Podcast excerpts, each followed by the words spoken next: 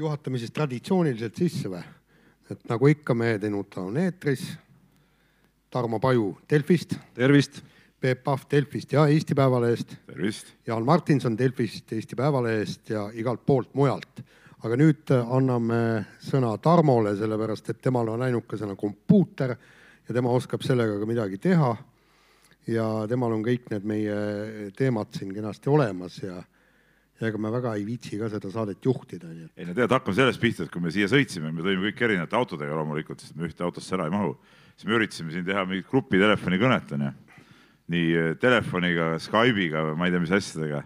et meie Tarmoga saime kogu aeg liinile, aga Jaan millegipärast liinile ei saanud, et eks see. ei, aga ma, ma ei leidnud seda Skype'i endale üles, mul kunagi kuskil oli, tähendab, et aga ma üritasin teda juhendada nagu küll, Jaani, et, et nagu see ikoon S-tähega, kus on olemas, et ta on vahel leidnud selle üles isegi, aga ei tulnud kuidagi. Lõp, lõpuks see lõppes sellega, et Tarmo ütles mulle telefonis, et, et Jaan saab kraavi, kui ta hakkab selle mässama seal. aga ma pean tunnustama, tunnustama Jaani selles mõttes, et äh, ta sellel hetkel, kus ma hakkasin teda juhendama ja tundsin muret, et kus ta kadunud on, ta ikkagi oli auto parkinud Tartu maantee serva mitte ei üritanud kõike seda teha liikuvas autos, nii et meie roolis ei loe kampaania, mida me oleme siin äh, mitu aastat juba Delfis teinud, hakkab ikkagi vilja kandma. ja, aga ma ei lugenud, ma otsisin Skype'i. kus me nüüd siia sattusime siis? no tuli email, et peame tulema, noh, väga lihtne. ei no tead, siin ürituse üks korraldaja on üks Keila tüdruk, sellepärast võib-olla, mina tean teda selle, sedakaudu teda, ma ei tea, kas meid sellepärast kutsuti, aga, aga, aga õnneks või kahjuks on ta mu poja klassiõde ka no Tartusse tulekuga on alati ju kahetised tunded, et äh, minul vähemalt, äh, ei, mis kahetised, täitsa ühesed. kahetised tekkisid siis, kui ma siia auto ära parkisin ja hakkasin vaatama, et ohoh, et, et nagu Tallinnas Telliskivi rajooni oleks sattunud, et, et ma juba enne, kui kogu see kokkuleppimisprotsess käis, ei lugenud seda sinu viidatud neiu meili väga hoolikalt, vaatasin, et ahah, erinevate tubade klubi, selge, Telliskivis ma tean, ma olen seal varemgi käinud ja isegi, isegi ühte saadet teinud, Delfi aastalõpusaadet. ja mõtlesin, et noh, selge, muidugi võib ju minna kuni ühel hetkel selgus, et, et Tartus on sama koht. see üks hetk oli paar päeva tagasi, kui Tarmo avastas muidugi, et, et, et oh, kurat küll. jah, ja siis vähe sellest, parklast hakkad siia tulema, täpselt samasugune rajoon, Telliskivi rajoon. Peep, sul läks ka süda soojaks kindlasti. mul, mul läks Tartusse sõitsa, mul alati süda soojaks kõigepealt sellepärast, et ma eile esiliigas eh, Tartu duublile tõmbasin eh, kõvasti kõvasti päitseid pähe ja, ja saime kolmekümnese võidu, eks ole, seal eriti hea uhke tulla siia. aga muidu Tartus on, mulle meeldib küll, aga see piirkond on muidugi täitsa tundmatu koht minu jaoks. küll aga mu proua teadis täpselt, et oh, siin on see mingi Itaalia nimega koht, mulle anti isegi äh, mingisuguse pudelist pilt kaasa, mida ma pean pärast alt ostma, et tuletage mulle meelde, et ma käin läbi sealt. aga muidu ma ei ole siin varem käinud sees, jah noh, samas jälle mina võin öelda, et, et ma ei ole sellest Tartust suurt midagi kunagi arvanud, et eh, ei no tegelikult ka, no olen siin aeg-ajalt käinud, ma ei saa sellest linnast absoluutselt aru, et kus, kus on mis ja mis on kus, ega ma siit kesklinnast ka väga palju äh, välja ei ole jõu, jõudnud, mul poeg õppis siin äh, kunsti, mis iganes teil siin kool on ja ja, ja siis äh, hakkas alguses peale käima, et noh, et kuule ikkagi autot oleks vaja ja kõik nii ja siis nädal pärast Tartus olekut helistab, kuule jumal, siin pole Tart-, siin ei ole autoga mitte midagi teha, siin pole jalgratastki vaja, kõik on nii käe-jala juures. ja mis põhiline, ta ütles, et, et tartlased on niivõrd rahulikud. et, et isegi seal kõndimise peal, kui ta siis tartlastega koos hakkasid kuhugi minema õlut jooma, kõik siis tema kohe tormas niisugune kümme meetrit teistest ette nagu ehtse tallinlasena, et kogu aeg on kiire ja siis tal läks ikka mitu kuud, kuni suudeti ta maha rahustada. kallis inimene, see on Tartu, siin ei ole kuhugi kiiret kas see oli see hetk, Jaan, kus äh, mul õnnestus ikkagi enne, kui ta aru sai, et autot ei ole vaja, õnnestus oma vana Toyota Corolla sulle maha parseldada umbes tuhande euro eest? ei. eurot vist ei olnudki tol ajal veel? ei, see parseldati äh, maha jah, pära-, pärast seda küll, aga, aga selle äh, Tartu puhul on ka see, et, et ma austasin omal ajal Tartut ja Tartu korvpalli siis, kui mängis kuuekümnendatel veel Vana Kalev ja ta mängis ju Tartu Kalevi nime all Äh, ja ta mängis Tartu korvpalli akadeemilist korvpalli, Ilmar, Ilmar Kullam ja, ja väga paljud tartlased, kõik, kes seal meeskonnas olid, aga siis äh, ma, ma olin täiesti pettunud ja solvunud, et Tartu andis oma meeskonna ju Tallinnale ära, lihtsalt ühel, ühel hetkel see Tartu Kalev mängis ju Tallinna äh, Kalevi spordihallis, eks. ja ühel aastal lihtsalt, lihtsalt täiesti lambist muutus nime, nimi Tallinna Kaleviks ja, ja pärast seda noh, ma olen tartlaste peale pahane, et, et kuidas niimoodi korvpall ära anda ja kusjuures siiamaani ma leian, et äh, Eesti korvpalli pealinn on äh, Tartu. okei okay,, Jaan, ära aja segast juttu. sul oli nagu paha meel, et sa said nüüd ise ka kodus nagu mänge näha, sest sa ise elasid Tallinnas ju. ei no nimi oleks pidanud jääma ikka Tartu Kaleviks. ja mängima Tallinnas edasi. no absoluutselt. see on nagu need Eesti jalgpallivõistkonnad, need kes teevad Tallinnas trenni, siis käivad. Paide linnameeskond. jah, täpselt, mingi Kuressaared vanasti olid, et ühe bussiga sõitsid sinna, mängisid ära kaks võistkonda. ja, ja Tartu kõige suurem probleem on see, et, et ta on niivõrd kaugel, kui Tartu oleks seal, kus asuks näiteks Rakvere, siis oleks okei okay.. okei okay., vist, vist oli viga, et Jaan kaasa tuli no,. nagu ikka aga mina tahan küll öelda, et mulle Tartusse tulles on ikkagi jättes see imelik déjà vu praegu Telliskivi rajooniga välja, on ikka väga soojad tunded, et äh, esiteks ülikooli aeg, mis äh, tuli mis küll, kattus isegi minu ülikooli mis kattus osaliselt selleni, selleni me jõuame, Peep, enne kui me spordist rääkima hakkame. et äh, ülikooli ajaga mul seostub esiteks palju uusi sõpru loomulikult. Marju Lauristin kelleni me ka jõuame ilmselt, kui me Peebu juurde jõuame. mulle, Marju, ja, ja oota-oota, see, see koht, see koht tuleb veel kindlasti ja, ja, ja, ja loomulikult äh, La Dolce Vita nimeline söögikoht, kus, mida sai väisatud ka enne, kui me siia jõudsime, äh, mille Martin Müürsepp kunagi Tartus mängides äh, intervjuuks kokku leppis ja, ja mille vastu armastus on piiritu pärast esimest käiku seal. isegi sellesama roa võtsin ma, mis kunagi Martin Müürsepaga intervjuud tehes seal minu jaoks Tartu oli ikka see, mina mäletan, kui me siin koolis käisime, siis noh, see põhimõtteliselt koolis käimine oli tegelikult üks lõputu, lõputu pidu siin mööda neid eh, pummelungi kohti, et ega, no, käimist oli, eks sinna jäigi kõik lõpuks. no hommikune McDonaldsi drive-in'i järjekord ilma autota on ka tuttav koht. on ka tuttav koht jah. aga kuidas sul, Peep, selle ülikooli poole peal läks, äkki me meenutame ikka seda, et äkki me jõuame natuke sinu juurteni kuidagimoodi ka, et ja, ja, ja selleni, okei okay,, räägi ära. ei, ma räägin ära, siin pole midagi rääkida alguses tundus, et pole nagu väga viga, aga pärast vaatasin, need õpetajad kõik ju, õppejõud kõik nagu rumalamad kui ma ise, et nad ei tea ju seda žurnalistikast suurt midagi ja, ja siis ma pidin ise neid seal õpetama ja lõpuks vaatasin, et mis see, polegi mõtet käia siin enam, no las tulge minu juurde Tallinnasse, ma õpetan neid seal. noh, noh nii on ju mulle tundub, et äkki siin on äh, sinu nagu selliseks konservatiiviks kasvamise lätted hakkasid just sellest pihta, et kuidagi Lauristini loengutest ei saanud läbi ja Vihalemaa loengutest läbi, ei saanud läbi, läbi ja sealt ei saanud läbi ja nii ta, nii ta vaikselt läbi tuli. väga hästi, aga see oli nii teoreetiline jutt, et noh, sa tead, et praktikas on kõik eh, teistmoodi ja praktika on alati see nii-öelda see, mis nagu loeb, et te teooria ei maksa nagu midagi. Peep, aga, aga võib-olla sinu eh, palav armastus eh, sotside vastu jutumärkides. jutumärkides on ka praegu. nüüd Marju Lauristin on ju esisots ja, ja, ja võib-olla selle poolest sellepärast ei kuidagi. esisots ta muidugi ei ole, Jaan, et on. püüa uudistega kursis no vaimne ema no, ikkagi. no vaimne ema. ei, tema on ikkagi esisots, teised on kõik tema pojad ja tütred. ei, no siis ei olnud sotsidest midagi kuulda, et siis ta oli veel vist rahvarinde inimene või, või? sel ajal, kui sa koolis käisid ära nüüd ülenda ennast no. sa üritasid ikka hilises eas juba, pea oli kiilakas ja üritasid tulla siia noorte sekka kuidagi. no oligi, sai nagu. pidutsema. sai nagu noori lähedalt nagu näha ja, ja nii edasi vastassugu poolt ka. kuule, sul endal on proua kaasas siin, mis sa siin. ei no sellepärast ma võin küsida. kas, kas sa tahad, kas sa tahad, et ma tõmban nagu, nagu siin need teemad üles sinuga seoses või? minul ei ole karta midagi oh,. muidugi, muidugi.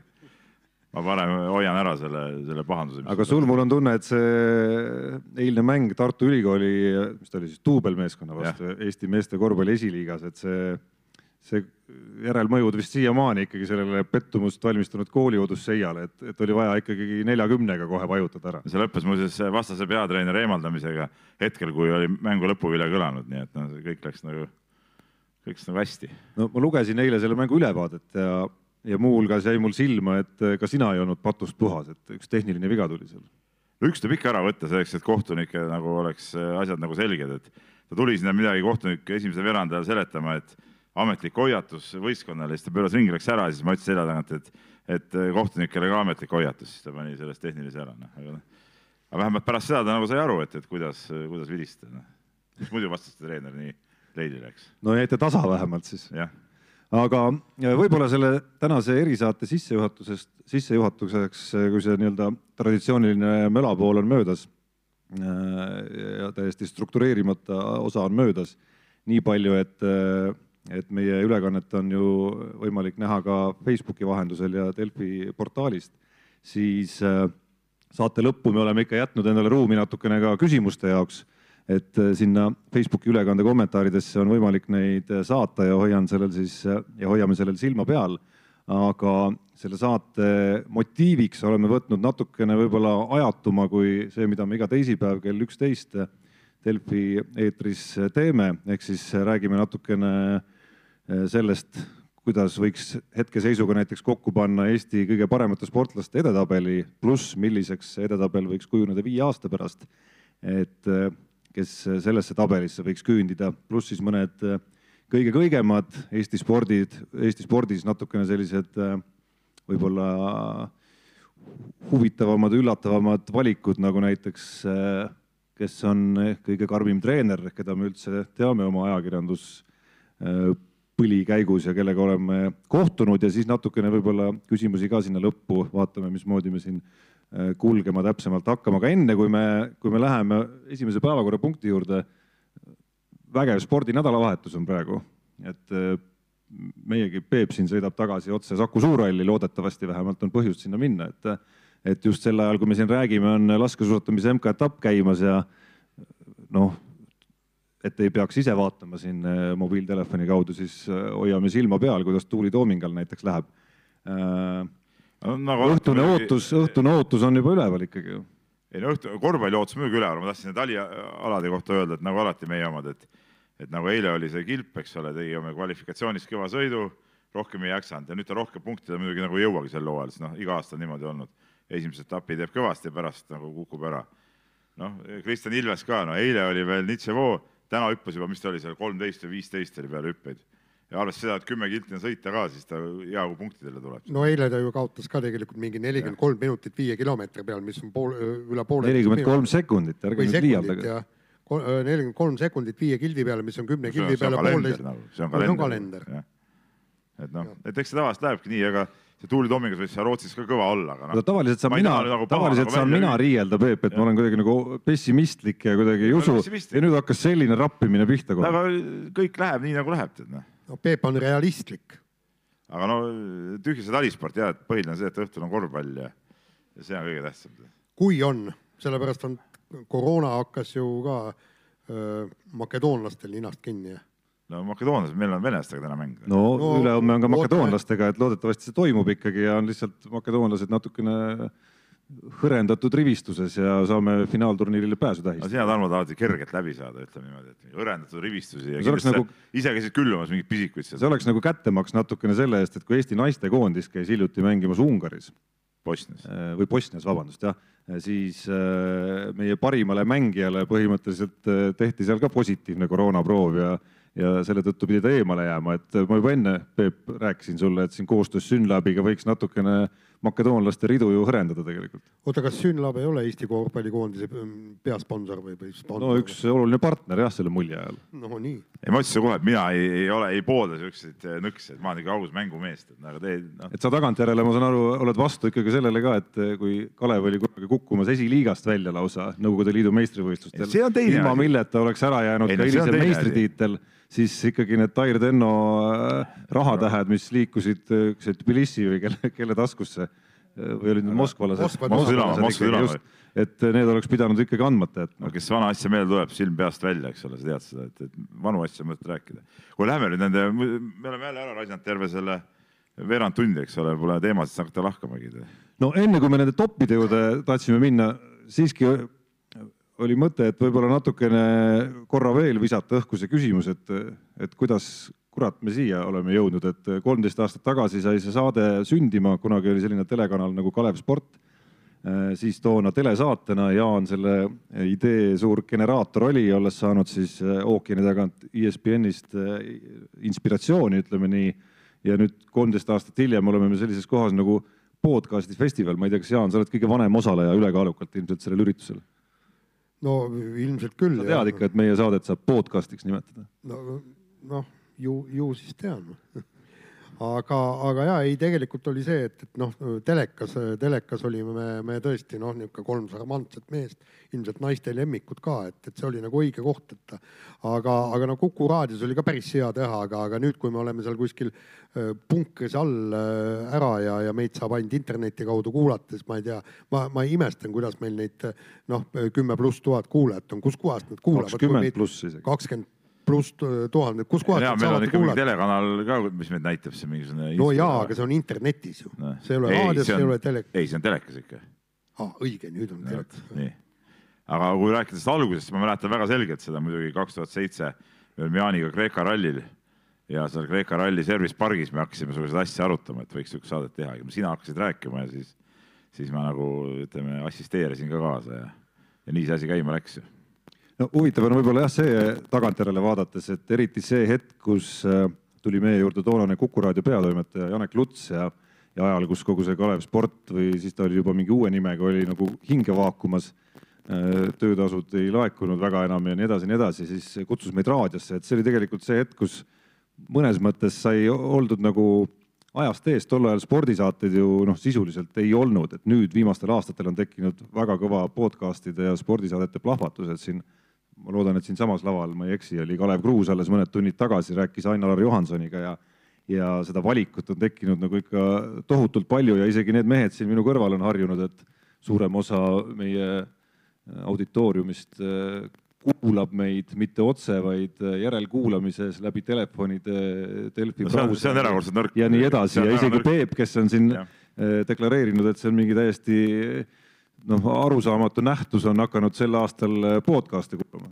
nii nagu ta, nii nagu ta on murdunud automaatkäigukastide ja kõige osas. ei no vaata, ma ei murdunud, vaid ütleme, võtame selle, mis parajasti on nagu hea, noh, et, et, et automaatkast on lihtsalt selle ajal saab muid asju teha, näiteks telefoni näppida ma tean, sulle see ei meeldi. ei meeldi üldse. aga okei okay,, äh, podcast'e ma tõesti hakanud kuulama, et neid on nii palju tekkinud ja, ja, ja õnneks on korvpalli podcast'e ka tükki kolm, mida on vaja läbi kuulata, et äh, osad käivad neist küll üle nädala, aga, aga, aga ütleme, ma kõige rohkem kiidan ikkagi Kalev Kruusi neid asju, et, et Kalev Kruusi podcast'i soovitan kõigil kuulata ka, mis puudutab seda jalgpalli podcast'i ja, ja, ja korvpalli oma ja see, et ta see Andres Sõbra ja Heino Endeli näiteks ühte saatesse, no kuidas saab seda mitte kuulata, no see on nagu ainult kulda tuleb sealt.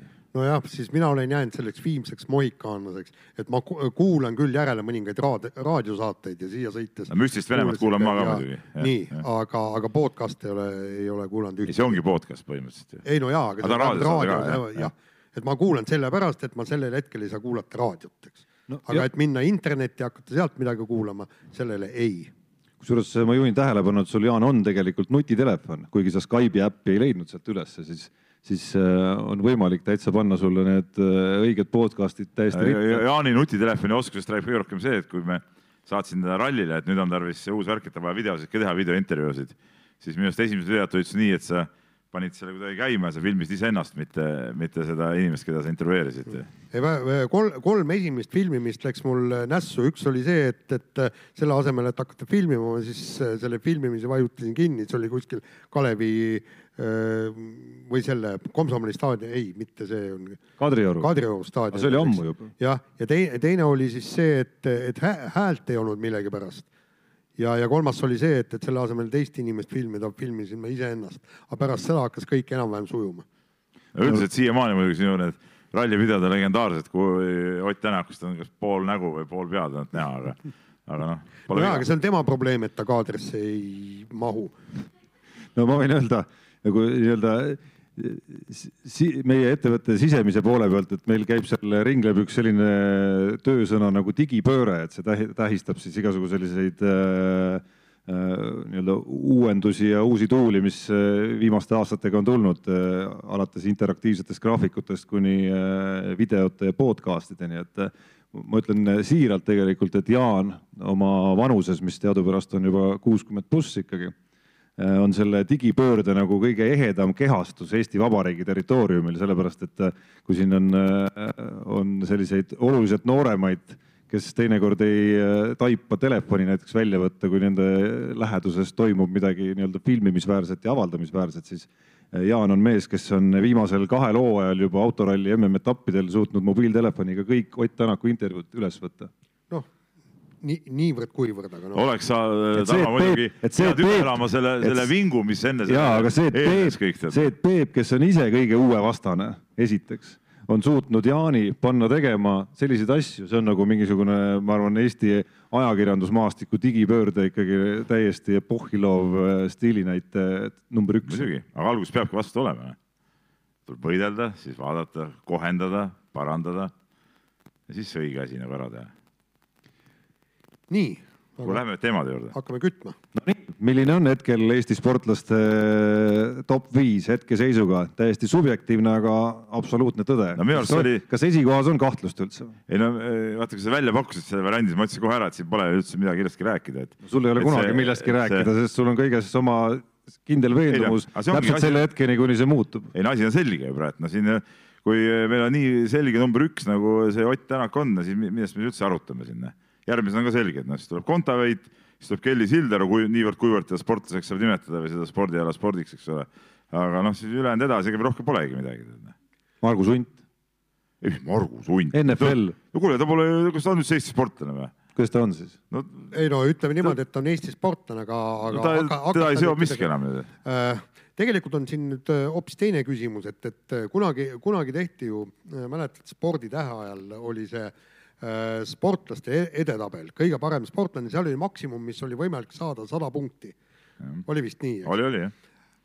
aga kui nüüd hakata mõtlema, kas meil on, on üldse, on üldse üheksakümne punkti mehi? me, me räägime, et Ott Tänak on tõesti. no Tänak on no ikka. Tänak on kindlasti, kuule autoralli maailmameister, ta Jaan. on maailmameister, aga saad aru, eks, mees on sama hea kui tema viimane võistlus. ja, ja, ja ta on tõesti autoralli maailmameister, aga ta ei ole domineerija.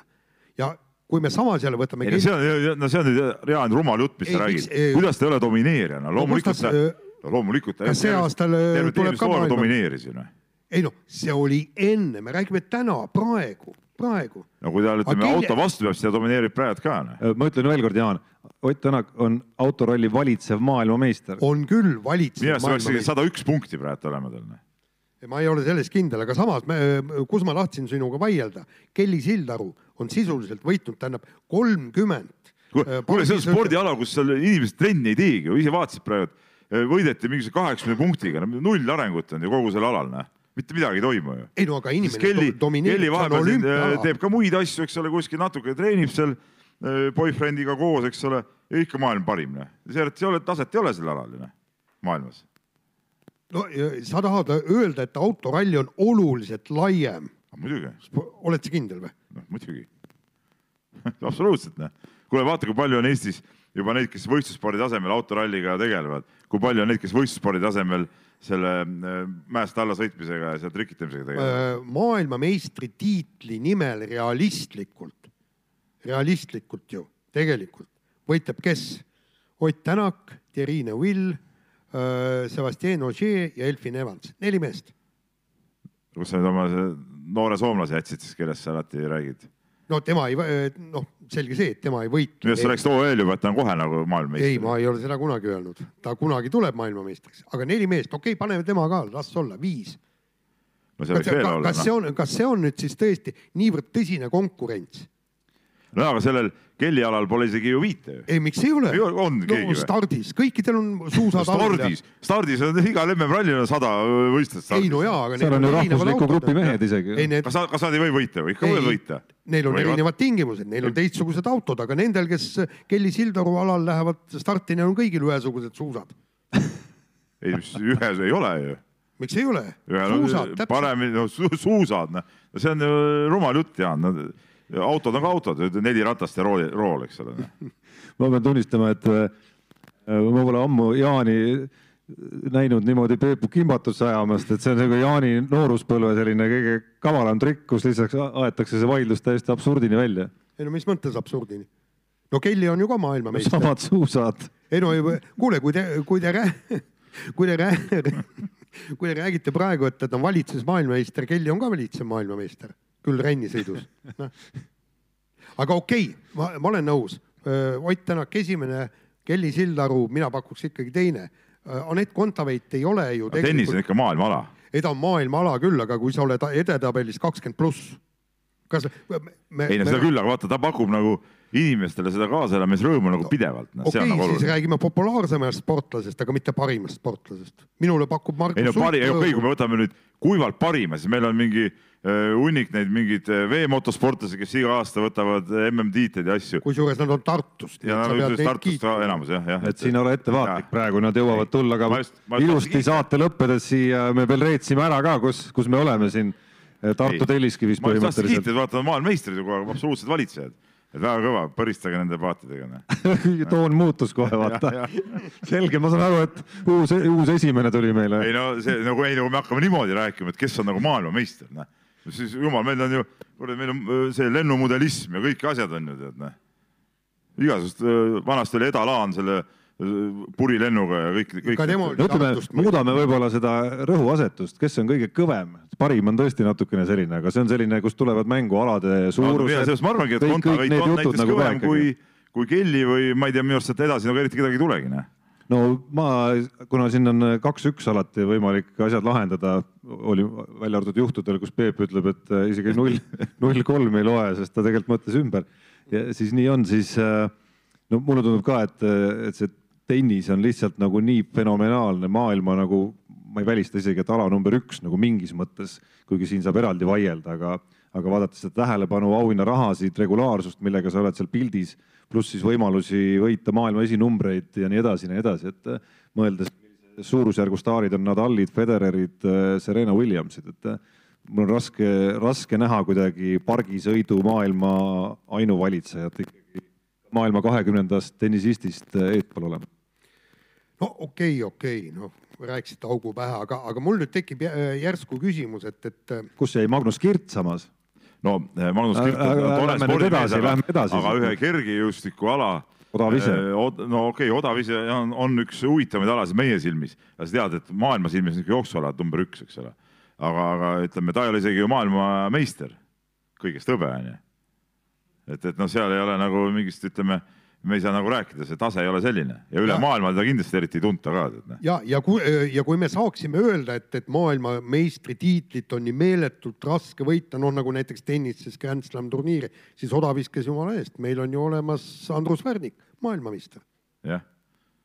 ta ei ja, ole ja isegi. Võbe ka, eks ole. just ja, ja Magnus Kirt ei ole isegi Värniku tasemel veel jõudnud. miks sa Kirdi tood mängu, meil oli Maicel Uibo ka MM-hõbe, noh, sama, sama level, noh, põhimõtteliselt no Kirt üheksakümne meetri mehena ma julgeks ikkagi öelda, on, on. aga mis see üheksakümmend on kõvem kui? kaugemal siis. üheksakümmend on kõvem kui näiteks kaheksa tuhat viissada või?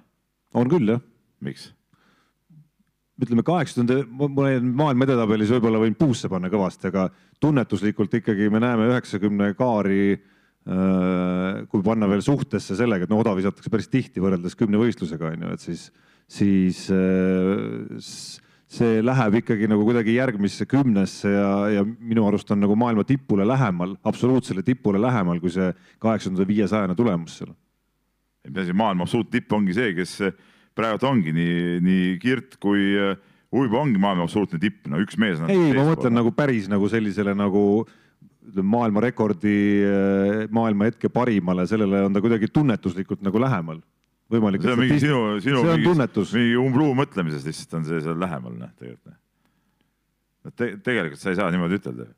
kes veel? kes veel? no okei okay,, neli tükki olen välja valinud, minul tekib küsimus, et. oota, kas neljas nüüd oli? viis on juba, kui Uibo ja Kirt käisid läbi no,. no Uibo ka okay,. me ei saanud üldse praegu sotti, kumb siis parem on tegelikult, noh. ei peagi saama no,. jagavad neljandat-viiendat kohta. ei, no veel ei peagi saama. Äh, mul on tegelikult küsimus. Äh, omal ajal olid ju siiski nii korvpallur kui ka jalgpallur ehk siis Martin Müürsepp ja Mart Poom olid täie, täiesti tõsiseltvõetavad kandidaadid Eesti top viide praegu meil ei ole ühtegi korvpallurit ega jalgpallurit selle tasemel. just, aga vot mul ongi küsimus see, see, et, et kes on meie parim sportmängur ja mitmenda koha ta üldse Eesti öö, parimate sportlaste reas võtaks? no üks erinevus, mida saab tuua välja pallimängudest võrreldes toonase ajaga, kui seda börssi peeti, olid ikkagi, on see, et meil on ka võrkpall pildile tulnud, ehk siis noh, Robert Tähe näiteks saab siia ka sellesse valikusse panna ja, ja mine sa tea, võib-olla ongi ongi hoopis pallimängijatest hetke virtuaalse tabeli liider tegelikult. Äh, võib küll nii olla, aga tegelikult ma tooks siia mängu ka, ka väravpallurid ehk käsipallurid on ju, et noh, tegelikult noh, klubi tasandil on ju Patral ja Jaanimaa ikkagi mängivad ju kõrgtaset ju tegelikult noh, on kogu aeg mänginud.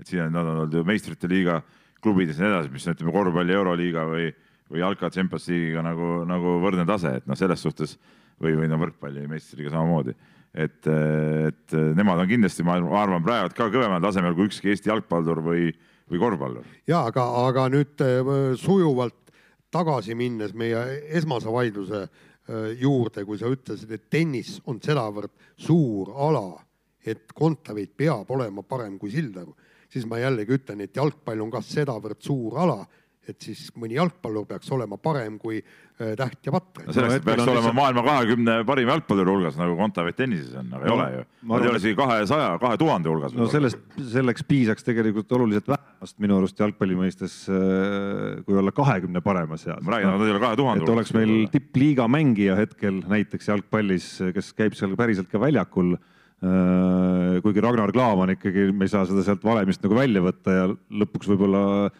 jalgpalli kaalu arvestades platseerub isegi tähest lõpuks mööda ikkagi. ei no praegusel hetkel aga noh, Mart Poomi päris, päris Mart Poomi eh, nagu tippaegade nii-öelda levelit tal ei ole ikkagi kõiki neid parameetreid kõrvuti pannes. nojah no nii, saame, saame järjestuse ritta ka või on meil unustatud keegi veel, kuskil on maadlejad, vehklejad, kõik meie klassikalised olümpiaalad Mar. marginaalsete alade tegijad, noh. Jüri Vips no Vips on jah sihuke, aga no tal ei ole tulemusi veel ju. ei ole, aga fakt on ja see, et tegemist on, tiitli, tegemist on maailma, maailma võib-olla. nii kõva, kui ta on, on äh, praegusel ja. hetkel, no mis ta see aasta, mis ta. ei, ta ei ole see aasta teinud, ta ei ole eelmine aasta teinud, ta ei ole üle-eelmine aasta midagi teinud, ta on neljas. Isegi... aga sa ju iga päev räägid mulle Vipsist. No, ei no sellepärast, et tal on lootus pääseda vormel ühte, mis oleks muidugi ülimalt kõva sõna ja noh, siin tekib jälle küsimus, siis peame jällegi minema videointervjuusid nendega tegema no ta on natuke Miks sellisel, sellises staatuses nagu ütleme, oletame, et Mike Kotsar oleks valitud NBA draftis hetkel äh, siin eelmisel nädalal kusagil kohal number kakskümmend seitse äh, või siis teise ringi algul võib-olla pigem isegi, et mis ei garanteeri veel NBA-sse pääsemist, et siis, siis võib-olla kuskil äh, nii-öelda nagu ootelistil välja valitud staatuses no ilmselt nii ta ongi. et me saame järgmise tabeli puhul nagu võtta jutuks, et kas Vipp paneb selle kinni viie aasta pärast. no siin, ei no kui ta vormel ühte saab, siis muidugi tõuseb kohe sinna, aga praegu ta veel ei ole sinna saanud, et see, et ta on kuskil mingi kolmas sõitja või käib seal nendes Red Bulli riietes äh, boksis ringi, no see veel ei ole nagu sportlase tase. no midagi ta ikkagi näitab, igaüks ei saa minna sinna Red Bulli riietes ringi. seda küll, aga võistlustulemust ei ole ju. no ei, tulemust ei ole no., aga võimalus on kas mõni pallimängija tõesti ei küündi sinna või? ei küündi. Klaavan? ei. top viide? miks? Itaalia liigas mees käib väljakul. no kuule no,, üheksakümmend käib... pluss üks minut tuleb platsile. ei no eks ta käib ikka nagu rohkem. siis, siis kui ta mängis Liverpoolis ja käis platsil, siis jah. aga praegu mitte. kuskil on keegi veel puudu? ei, minu arust ei ole, ma, ma ei usu küll. ma ütlen veel kord, et mingeid maadlejaid, vehklejaid ei ole mõtet tuua noh, meil ei ole midagi praegu. talisportlased veel? tõesti arvad, et kahe võistluse MK-etapi viies koht tõstab teda top viis sportlaste hulka Eestis või? aga kui saabki MK-sarjas viienda koha kokku? ikka ei tõsta. ikkagi marginaalne ala. no aga siis saab järjestuse lukku panna või?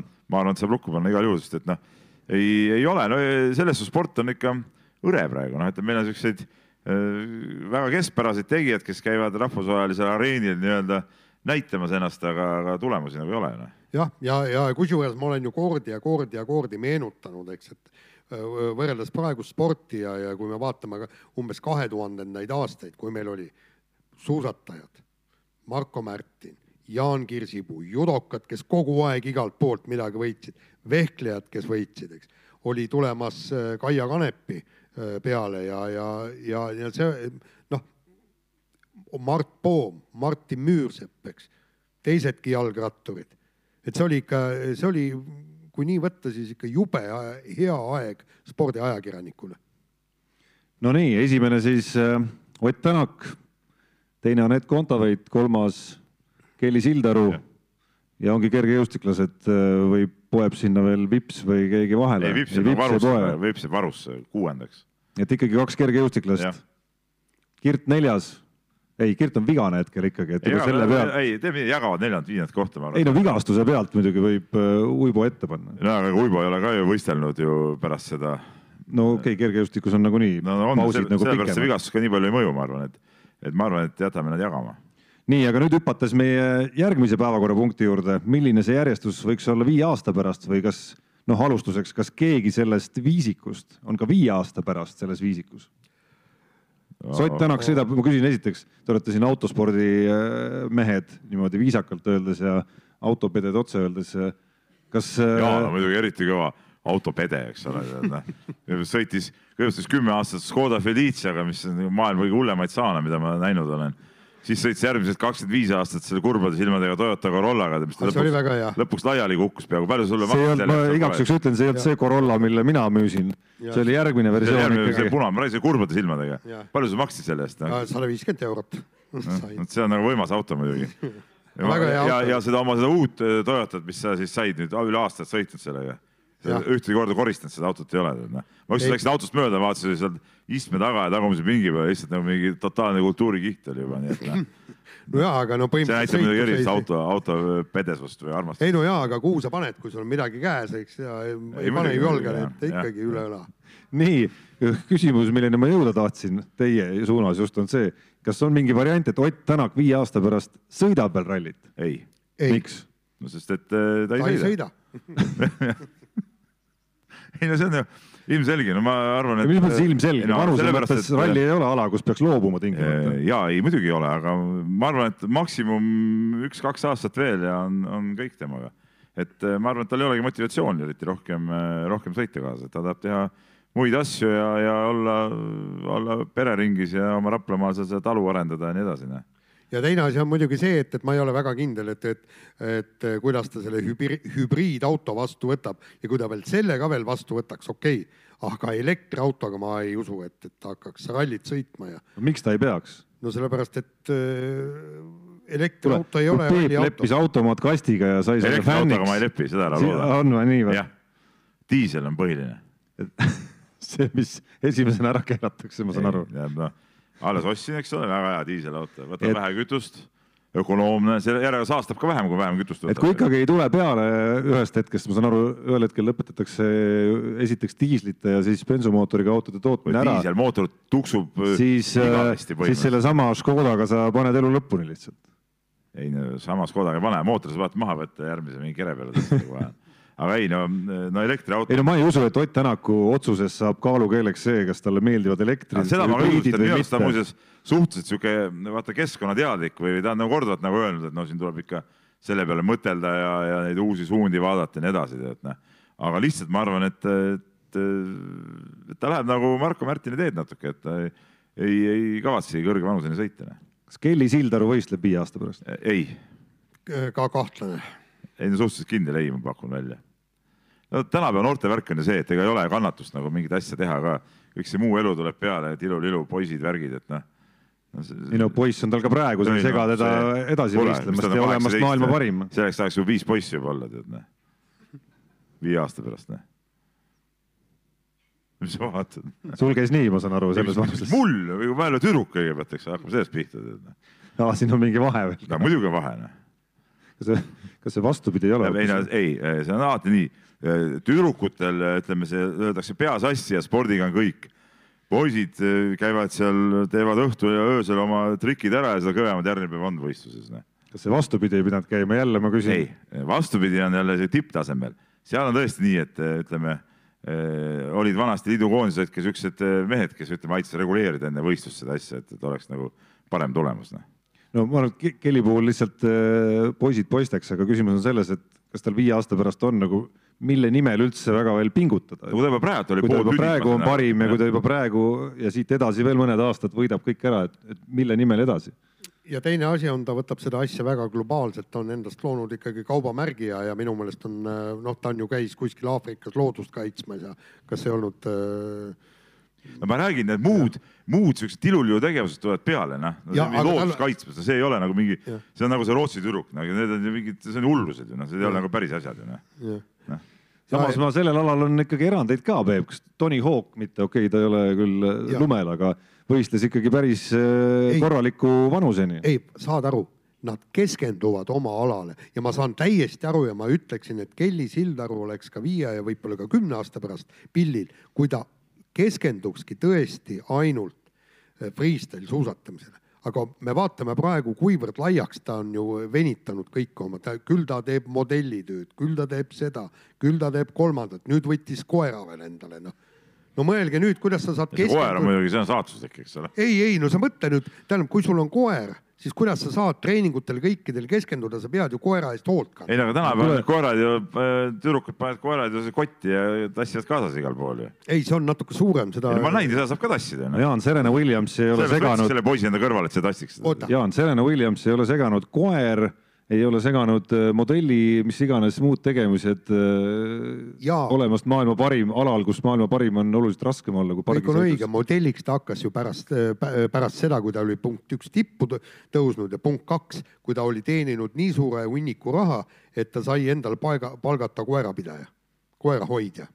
no aga, aga tegelikult märk on ikka rohkem see, et, et mulle tundub või ma olen nagu kuulnud või mingid jutud käivad, et noh, teda ütleme nii palju see ikkagi ei paelu, et ta ei ole nagu fanaatiline selle ala harrastaja enam, eks ole, võib-olla tüdrukust peale ta oli väikse lapsena. Võib-olla see keerati mingi vind sellega üle, võib-olla mitte, aga igatahes ta praegust sihukest fanatismi ei ole ju tegelikult. noh, noh samas on ta nüüd mingid pausid ikkagi võtnud ette viimastel aastatel ja eks see koroona tegi veel mingi väikese vahele, et, et võib-olla neid ongi vaja seal väikeseid selliseid vahehetki, et siis jälle tagasi tulla ja see motivatsioon jälle üles leida. üldiselt on nii, ma arvan, et ma usun, et mul on täielik õigus nagu alati, eks ole et äh, teeb olümpia ära ja siis on kõik. Anett Kontaveit on alles kindlasti viie aasta pärast, võib-olla, võib-olla oma karjääri tipphetkel isegi. jah, ma arvan küll jah, eks no, tema tõuseb number üheksa. küsimus on lihtsalt, kus see tipp on sel hetkel. ma ei tea, Jaan räägib mulle kogu aeg, kuidas ta mängib, tähendab, Jaan räägib niimoodi, ühe turniiri ajal räägib seda, kuidas Kontaveit mängib esikümne tennist ja ta peab igal juhul seal olema. järgmine nädal, kui ta on kuskil kaotanud, siis räägib, kuidas tast ei tule mitte midagi. et, et noh, ma arvan, tõde on seal niimoodi vahepeal, vahepeal seal, et ei, no jaa, aga üheteistkümnes koht, et noh. ja ei no kui ta võidab maailma esinumbreid, siis ta muidugi mängib maailma esikümne tennist ja kui ta kaotab maailma viiekümnendale numbrile, siis ta ei mängi esikümne. väga loogiline. väga lihtne ju, loogiline, aga no Peep, sinu pea seda ei võta, saame aru. ei, pea ei võta, noh, tase ei käi üles-alla kogu aeg, noh. no käib küll. üldine level, eks ole. ei ole. see, kui ta võidab esikümne mängijat, siis see on nagu üllatus, noh, see ei näita seda tase seal on. ei ole, see ei ole üllatus, ta mängib hästi, teine mängib kesiselt. no ta ei Nii. ole ju sinna jõudnud kunagi no küll ta jõuab. nii, aga oota, jääme kinni praegu siia uh,. kus need tõusjad, kes need, ei, kes need tõusjad on, on küsimus, tegelikult selle jutu ajamise põhieesmärk on. kui saab. Jüri Vips võib olla. päris vormeliga saab sõita, siis ta võib tõusta, noh nii, siis aga meil on si mõned noored rallimehed. no seal on ka vahe muidugi, kas sõita seal, mis need lõpus ei, on seal Alfa Taurid või isegi, olla Red Bulli põhipiloot. isegi kui ta saab Alfa Tauriga, vahet ei ole, kui ta saab vormel ühes, seal on ainult kakskümmend või kakskümmend kaks pilooti, eks ole, siis ta on igal juhul nagu maailma ühe kõige tähtsama spordiala äh, tegijana. et siin selles suhtes ei ole nagu mingit vahet, kui ta seal on, siis ta on igal juhul Eesti topis äh, sees. kindlasti võib jõuda sinna mõni rallimees, noored rallimehed on peale tulemas jälle, millest te nagu ei tea eriti midagi, eks ole, seal mehed nagu sõidavad. lausa nii kõrgele või? muidugi. viie aastaga? aga viie aastaga, loomulikult noh. mis see võib tulla? Robert Virves. näiteks. Peep Kole. WRC sarjas viie aasta pärast. no muidugi tähendab, kui ta ei ole, tähendab, siin on kaks varianti, kas Robert Virves on viie aasta pärast WRC sarjas või ta ei, ei sõida üldse rallit, noh, väga lihtne. Peep, kuule, siin on väga hea indikaator. Äh, järgmisest aastast hakkab jälle selle Pirelli Young Star Driveri äh, valimine ja, ja Pirelli annab võimaluse. Ott Tänak sai Pirelli nooreks äh, sõitjaks ja siin on väga hea, kui, kui mõni Eesti noor, noor rallisõitja sellele kohale jõuab, ehk siis saab Pirelli ei, poolt. see ei ole otseselt hea näitaja, ei, see ei ole, näitajad on ikka võistlustulemused, noh saad aru, kui tal on head võistlustulemused, siis ta saab sinna. kas sa ei tea, kuidas Pirelli äh, driverit valiti või? võistlustulemused ei mänginud sa mingit rolli? ei, kindlasti. sa käisid seal, seal olid ju mingi, seal nagu missi valimised olid, eks ole, sa tegid ühte, teist, kolmandat, vestlusvoorud. ja kõik olid, aga sõiduvoorud olid ka, jah. aga mitte need tulemused ei maksa. ja aga, aga arvestades. võib-olla andsid mõned punktid juurde lihtsalt. nii, aga, aga seal äh, komisjonis olid ju äh,, olid ju nii-öelda ala tundvad inimesed, eks. ja Timo Jouhki, kes on siis, peab ennast maailma parimaks rallimänedžeriks. iga kord, kui Jaan räägib rallist, jõuab Timo Jouhki juurde. ei no just, aga tema oli ju seal, seal komisjonis, kes valis ja ta ütles, et sealt oli kohe näha, et see mees oli teistest peaaegu üle. jah no no mulle tundub äh, nagu kahtlane, Peep, su ennustus juba sellepärast, et seal on neid karisid lihtsalt nii palju rohkem ees võrreldes mõne muu alaga, kus sinust, välja kus sinust endast sõltub nagu rohkem ikkagi. ei no ütle, kas sul on midagi paremat välja pakkuda? kümnevõistlejad. millised? näiteks Johannes Erm no kümnevõistluses ei ole üldse karisid muidugi. ei, ei karised selles mõttes. on ju ütleme seitsekümmend viis protsenti oma karjäärist on nad vigastanud. ma mõtlen karide all eelkõige seda, et, et autospordis sa võid olla kiirem võib-olla noh, Egon Kaur võib olla ka kiirem kui mõni WRC mees praegu, aga tema ei ole WRC-s ja mõni teine on no,. näiteks. ka nii olla, et sa võid olla jube hea, aga tõmbad jälle lihase ära ja ongi. ei no okei okay,, vigastuste oht jääb igal alal, selles mõttes ei ole nagu erinevust on ju seal. Äh, aga teine oluline valdkond, ma arvan, et kui me enne rääkisime, et pallimängudes on meil nutune pilt hetkel, mis puudutab nagu päris seda nii-öelda vana sporditähe arvestuses üheksakümne punkti mehi, nagu olid Mart Poom või Martin Müürsepp oma tipphetkedel siis või Tiit Sokk, siis äh, viie aasta pärast tahtmata siin äh, nagu ulmesse laskuda, siis. sa juba praegu kisud oma jutuga ulmesse no.. siis, siis võiks ju tegelikult äh, uus põlvkond olla tegelikult kes? see, kes meil, no Henri Veesaar näiteks. no kuule, Henri Veesaar on viieteistaastane või kuueteistaastane praegu. see ei ole kaugemal kui Virves, ta ei ole kaugemal kui Virves WRC sarjast no,. muidugi on kaugemal, noh. muidugi on kaugemal, noh. millest? Äh, Madridi Reali Kossu satsi esindusmeeskonnast või? loomulikult on kaugemal. temast endast sõltub palju rohkem kui Virvesest, kellel võib lihtsalt nagu, kellel ei teki võib-olla võimalustki lihtsalt kogu lugu. tekib, tekib võimalus. Gerg Riisa, Mattias Tass no.. Oliver Jürgens jalgpallist. Äh, Karl-Jakob Hein jalgpallis. Karl-Jakob Hein on küll nagu tore poiss, mulle tundub küll, et see on nagu äge vend, eks ole. tema võib olla küll, aga, aga Gerg Riisad, mehed, noh, ja ei. Kristjan Kullamäe. ägedad poisid kõik, aga me nagu praegu ju ei näe ju, et nad oleksid nii öö, äh, domineerivad või nii kõvasti esile kerkinud see USA üliõpilasliiga, see ei ole veel ju mingisugune näitaja tegelikult. kuidas ei ole? ei muidugi ei ole, noh. sealt on ju tulnud igast äh, kõvad vennad, eks ole, aga mängivadki lõpuks siukest tavalist Euroopa taset, noh. kui me räägime praegu siin top viide tuleks, peaks mehed mängima kas NBA-s või Euroliiga top äh, kolme klubis, eks ole. no täna tegelikult ei pea veel selles mõttes, et Gerg Riisa alustab oma üliõpilaskarjääri näiteks alles. Äh, räägi.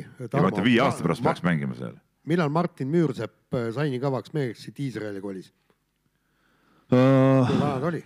see vanus ei ole ka, ei no Jaan, sa hakkad jälle oma mingit mantrat ajama, see ei, see ei ole nagu mingi tõsiseltvõetav jutt, on elu näidanud no,, Eestis ei, on ka siuksed sportlased, kes on hiljem esile kerkinud, näiteks Kristjan see... Kangur selles vanuses ei olnud ka veel mitte midagi. euroliigasse. ei no ma ütlen, see argument. oli seal siis suur äh, supertegija või? täitsa normaalne mängija oli seal. kas ta liidukoondist oleks saanud?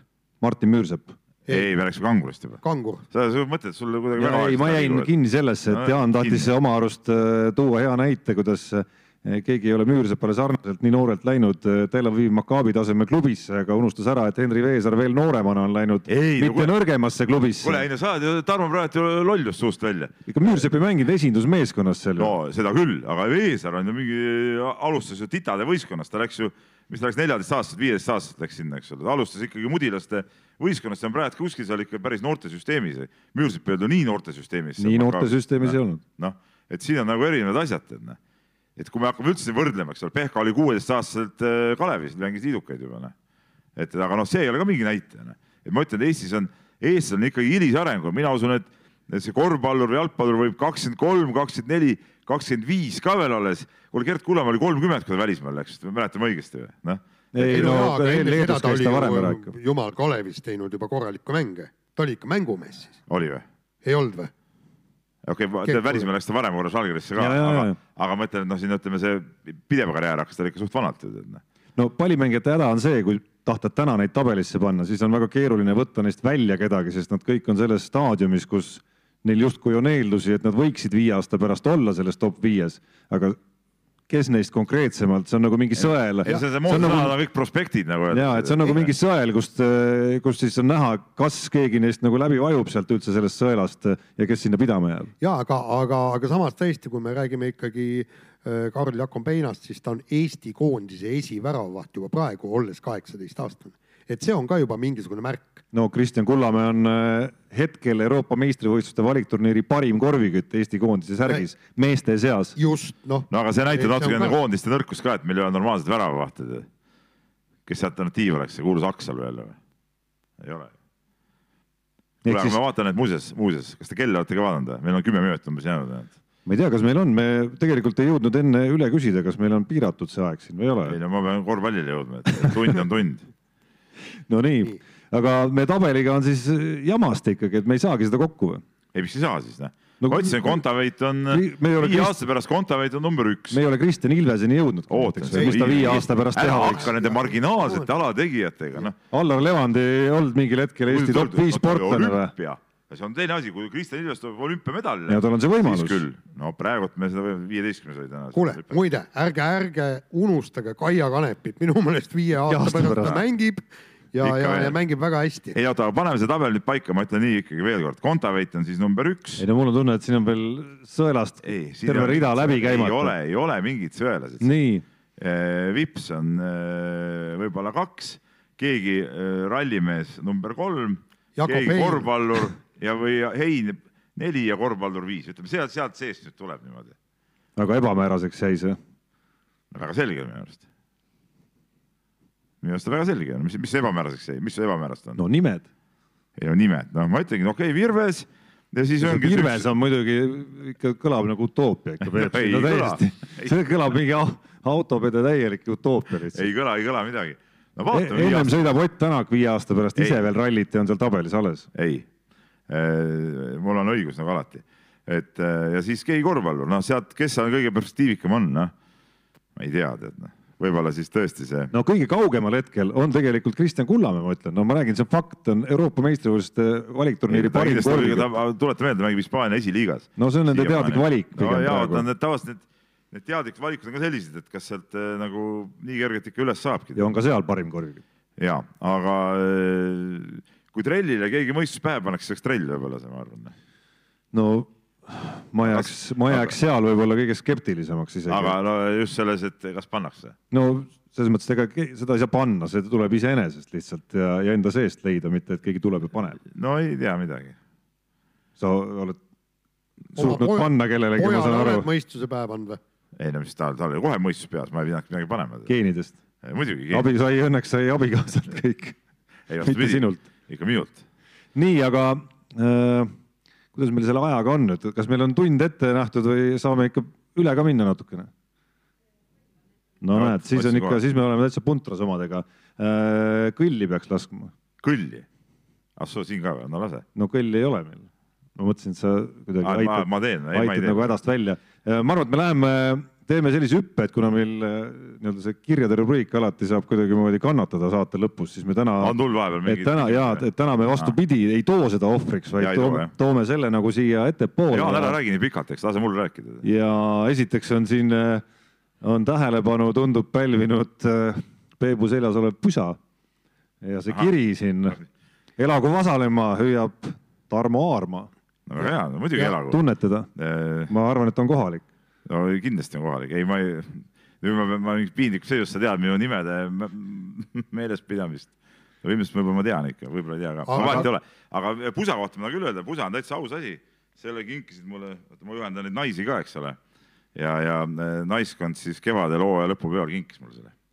ja aga noh, esimene pilk, kui sellele pusale peale visata, see on Jaan, tõesti sina ei pidanud rääkima või? ei, ma räägin, et t- tundub nagu Vasalemma vangivalvurite treeningkostüüm, et sama, et samasugused hallid püksid ka ja teete hommikul tead seda la-la-la-la-la-la-la, jooksete seal ja. kuigi sa rääkisid, kui me juba niimoodi võtma hakkasime analüüsima praegu, siis kui sa, sa küll rääkisid, kuidas sa eile Musta reede raames ikka väga moekad kingad ostsid endale, Eko ja Puha, siis siis siis need sobivad komplekti tegelikult ka. väga head, jah.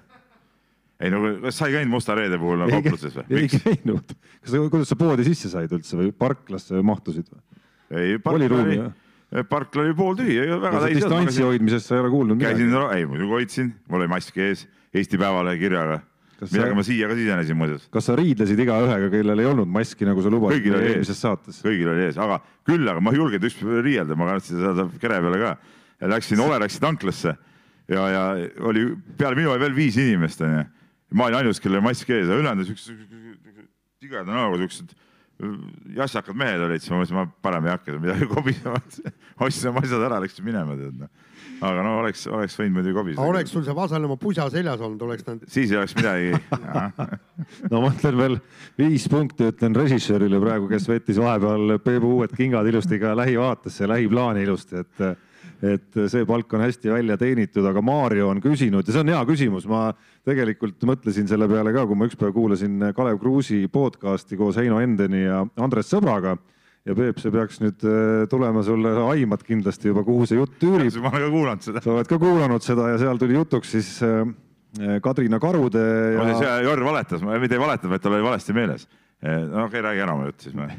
ühesõnaga Kadrina Karud, Andres Sõbra juhendatav meeskond siis äh, varasemalt teises Eesti korvpalliliigas ja tänavu siis esiliigas ja, ja sama teekonna on läbi teinud siis Peebu Vasalemma ehk siis teed ei, on Keila, oma. Keila.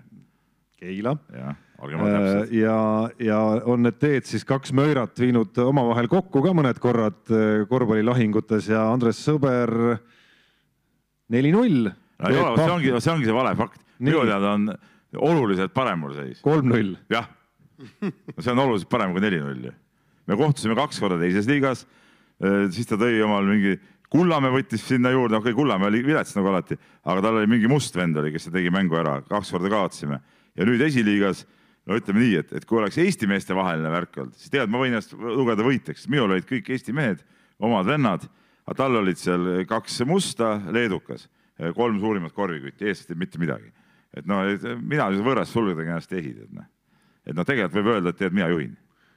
sinu suust ma ei oleks nagu, sinu suust ma ei oleks oodanud nagu sellist, et kui sa oled ikkagi üks Eesti esiarvustaja Eesti sportlastel, kes mingite nõmedate vabandustega tulevad pärast ebaõnnestumist suurvõistlustel ja küsid vastu, et mis, kas tasus tulla, onju, et siis nüüd hakkad leiutama mingeid siukseid argumentatsiooni siin. ei no see on ju õige argumentatsioon, õige Eesti mees. kas teil on reeglid liigas, et ei tohi olla välismaalasi? ei ole reeglid, aga ütleme. aga võta ka siis. aga miks ma peaks? ma ikka tegelen oma meestega nii, aga. tunnistame, et on plaani olnud võtta muidugi. aga meil on aga kuni sa ei ole seda teinud veel. praegu Seni... praegu ma olen nagu oma seisukohal kindel. selge. nii, Lauri kirjutab, sel nädalal toimus tuline vaidlus teemal, kas oma elu tippvormis Maradona saanuks tänapäevases Eesti meistriliigas hakkama. lugesin meediast, et vähemalt ühe Eesti spordiajakirjaniku arvates mitte.